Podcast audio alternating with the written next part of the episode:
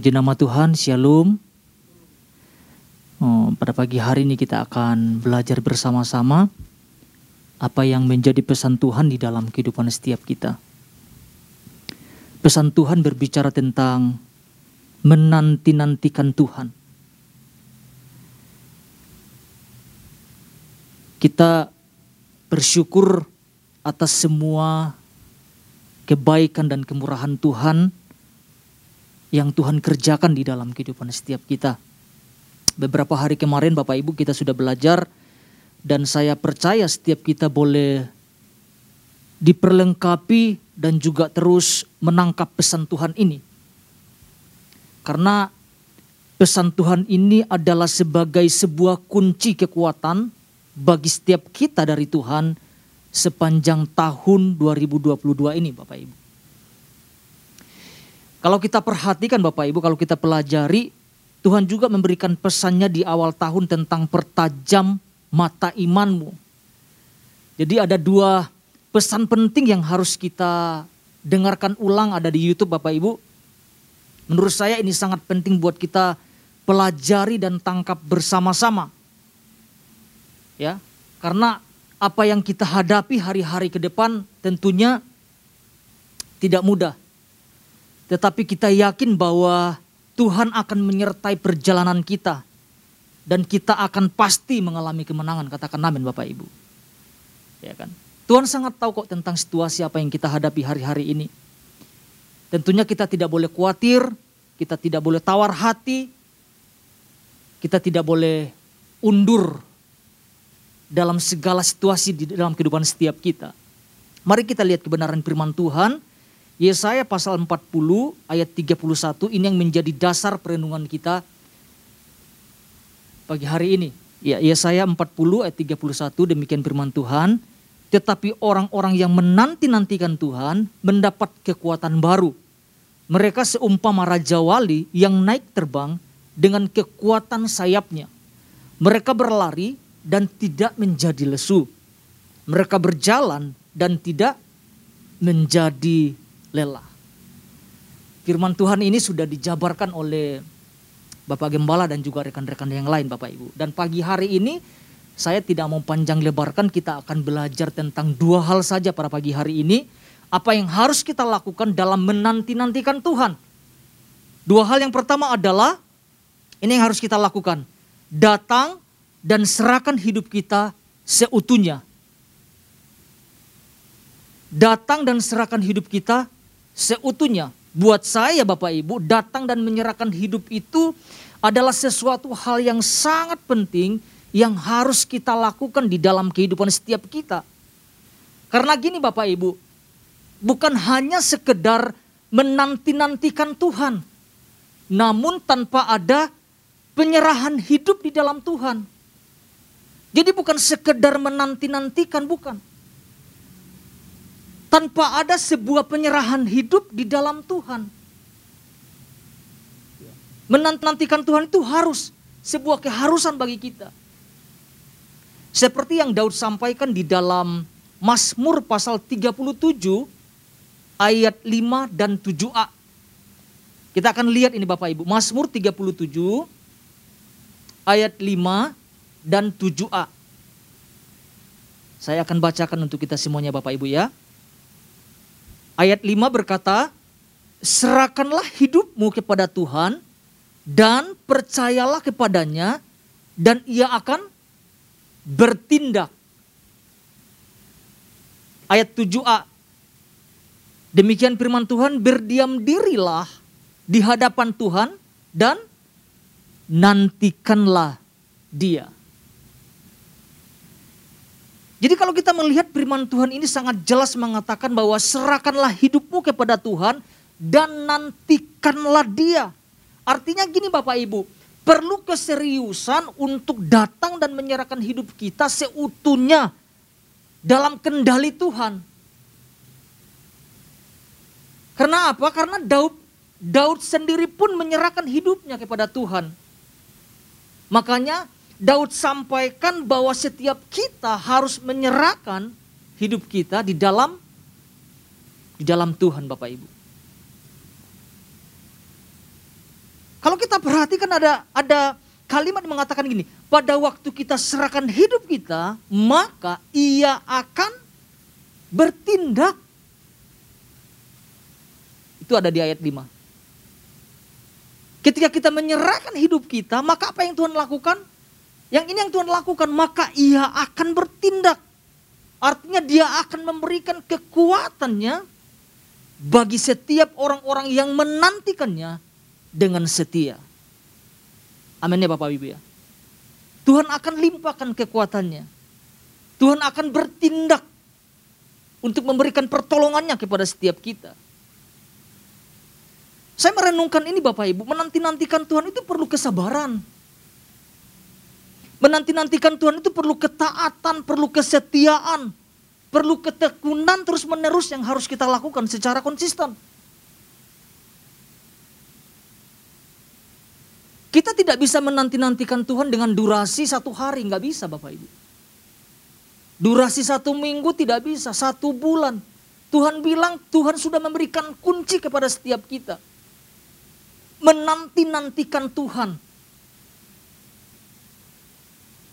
Bahkan sampai Tuhan Yesus datang kedua kalinya. Kita terus harus menanti-nantikannya. Karena ini yang saya renungkan Bapak Ibu. Kita tidak bisa menanti-nantikan Tuhan kalau kita sendiri tidak menyerahkan hidup. Penyerahan itu menentukan apakah kita menanti atau tidak. Atau pesan ini hanya sekedar lewat buat setiap kita.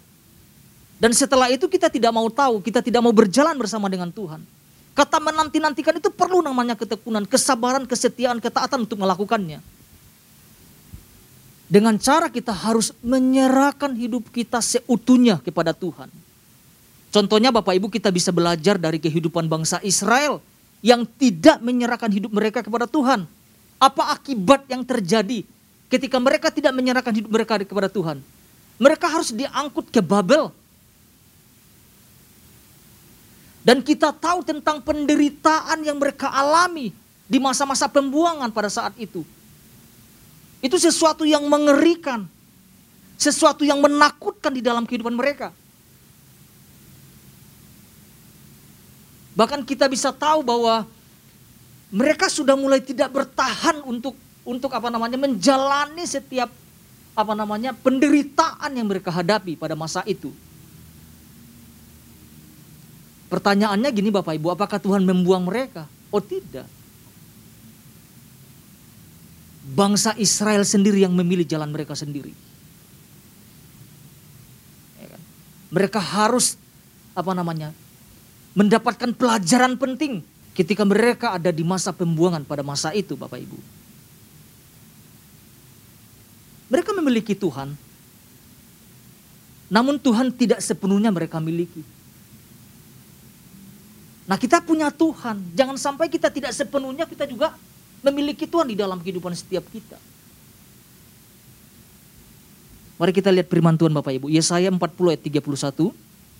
Ya, Yesaya 40 ayat 31 demikian firman Tuhan. Tetapi orang-orang yang menanti-nantikan Tuhan mendapat kekuatan baru. Mereka seumpama raja wali yang naik terbang dengan kekuatan sayapnya. Mereka berlari dan tidak menjadi lesu. Mereka berjalan dan tidak menjadi lelah. Saya mau sampaikan ini Bapak Ibu. Hanya orang-orang yang menanti-nantikan dan hanya orang-orang yang sudah menyerahkan hidupnya kepada Tuhan yang akan mendapatkan kekuatan baru dari Tuhan.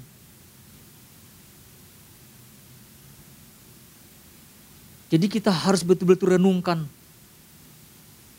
Kita harus memastikan bahwa kita sudah menyerahkan hidup kita kepada Tuhan.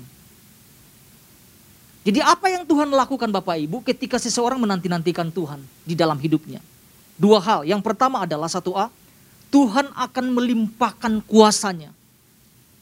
Ini yang Tuhan lakukan Bapak Ibu. Firman Tuhan berkata mereka berlari dan tidak menjadi lesu. Mereka berjalan dan tidak menjadi lelah. Tuhan akan melimpahkan kuasanya. Tuhan akan melimpahkan kekuatannya kepada orang-orang yang menantikan dia. Ketika kekuatan Tuhan itu ada Bapak Ibu. Orang-orang percaya tidak mudah nyerah tidak mudah undur, tidak mudah putus asa dalam menghadapi situasi yang mungkin menekan hidup kita. Yang kedua adalah Tuhan akan memberikan semangat yang baru. Ini sangat penting Bapak Ibu. Tuhan akan memberikan semangat yang baru kepada orang kepada orang-orang yang menantikannya. Ada dorongan dari Tuhan. Ada dorongan dari Roh Kudus. Di dalam Yesaya 40 ayat 29 dikatakan gini Bapak Ibu. Dia memberikan kekuatan kepada yang lelah dan saya suka kalimat ini Bapak Ibu. Menambah semangat kepada yang tidak berdaya. Jadi kekuatan itu dasarnya itu dari Tuhan. Tuhan yang mendorong, Tuhan yang memberikan kekuatannya kepada orang-orang yang menantikan dia dengan setia. Jadi saya percaya Bapak Ibu kalau kita lakukan secara konsisten ya, maka janji Tuhan itu akan tergenapi di dalam kehidupan setiap kita. Tugas kita adalah datang dan serahkan hidup kita seutuhnya kepada Tuhan. Itu yang kita lakukan. Dan ini yang menjadi perenungan kita di poin yang pertama Bapak Ibu. Yang kedua adalah, ini yang saya mau sampaikan poin kedua Bapak Ibu. Yang kedua adalah apa yang harus kita lakukan. Datang dan dapatkan kekuatannya datang dan dapatkan kekuatannya. Masih di ayat yang sama, oh ayat 31 Bapak Ibu. Sorry. Saya akan bacakan sekali lagi buat kita. Tetapi orang-orang yang menanti-nantikan Tuhan mendapat kekuatan baru. Mereka seumpama raja wali yang yang naik terbang dengan kekuatan sayapnya. Mereka berlari dan tidak menjadi lesu. Mereka berjalan dan tidak menjadi lelah. Ini yang menjadi fokus kita. Fokusnya adalah mendapatkan kekuatan Tuhan. Mengejar kekuatan Tuhan itu di dalam kehidupan setiap kita. Kekuatan di sini yang saya maksudkan adalah tentang hikmat Tuhan, tentang urapan Tuhan, tentang pengertian-pengertian yang lebih terhadap setiap perkataan Tuhan atau pesan Tuhan yang kita dapatkan lewat gembala. Karena setiap minggu kita dapat pesan Bapak Ibu. Dan itu harus kita kejar. Hikmat Tuhan kita harus kejar. Urapan Tuhan kita harus kejar Bapak Ibu. Pengertian-pengertian yang lebih terhadap perkataan Tuhan kita harus kejar di dalam kehidupan setiap kita. Jangan sampai kita merasa mampu berjalan sendiri. Ini kita kita bisa tidak sampai nanti di, di akhir tahun ini Bapak Ibu. Jadi kita harus belajar uh, apa namanya mengejar mendapatkan kekuatan Tuhan di dalam kehidupan setiap kita. Seperti yang Tuhan ingatkan kepada setiap kita di pesan awal tahun Bapak Ibu tentang fokusnya itu bukan tentang roti. Bukan tentang makanan. Bukan tentang perkara atau soal per, uh, penghidupan tetapi perkara dalam hal mempertajam mata iman setiap kita. Ini ini boleh kita renungkan bersama-sama ulang Bapak Ibu. Artinya ada sesuatu yang lebih penting yang harus kita kejar. Bukan soal roti. Bukan soal perut. Tapi soal ke, kehidupan kerohanian kita. Yang semakin hari dipertajam lewat kebenaran firman Tuhan. Dan selanjutnya apa lagi yang Tuhan ingatkan? Tentang ragi. Ragi Parisi, ragi Herodes. Ragi itu kan pengawet ya. Pengaruhnya sangat besar gitu. Itu berbicara tentang kalau saya renungkan Bapak Ibu, itu berbicara tentang cara berpikir. Cara hidup orang-orang Parisi karena kita tahu mereka merasa bahwa mereka paling rohani. Merasa paling paling baik. Dan pengaruh ini bahaya karena banyak orang-orang yang mengikuti yang mengikuti mereka. Termasuk ajaran-ajaran mereka. Ini menjadi tantangan buat kita Bapak Ibu ini tentunya tidak mudah memang. Ini tantangan kita ke depan. Ya, tentunya sangat sangat berat ya Bapak Ibu ya, tantangan-tantangan yang kita akan hadapi di hari-hari ke depan. Tetapi kita diingatkan melalui poin yang kedua ini. Supaya kita mendapatkan kekuatannya. Kita mengejar kekuatan Tuhan di dalam kehidupan setiap kita. Dan juga kita harus hidup dalam kewaspadaan yang penuh. Bagaimana caranya Bapak Ibu? Bagaimana caranya agar setiap kita mendapat kekuatan Tuhan di dalam kehidupan setiap kita? Kita akan belajar dari kehidupan seorang pribadi Daniel Bapak Ibu. Apa yang Daniel lakukan ketika mendapatkan tekanan dalam hidupnya. Kita bisa lihat Bapak Ibu di dalam Daniel pasal 6 ayat yang ke-11. Ini yang dilakukan Daniel. Ya. Daniel pasal 6 ayat 11. Demikian firman Tuhan. Demi didengarnya Daniel bahwa surat perintah itu telah dibuat. Pergilah ia ke rumahnya. Dalam kamar atasnya ada tingkap-tingkap yang terbuka ke arah Yerusalem. Ini saya mau tekankan Bapak Ibu. Tiga kali sehari ia berlutut, berdoa, serta memuji Allahnya. Seperti yang biasa dilakukannya jadi kita bisa melihat ini yang dilakukan Daniel menghadap Tuhan, berdoa, menyembah dan memuji Tuhan. Sekalipun Bapak Ibu ada di tengah-tengah situasi yang sangat apa namanya membahayakan hidupnya. Karena ada ada larangan selama 30 hari tidak ada seorang pun yang datang men, menyampaikan permohonannya kepada salah satu dewa mana pun kecuali kepada raja pada saat itu. Ini tentunya sangat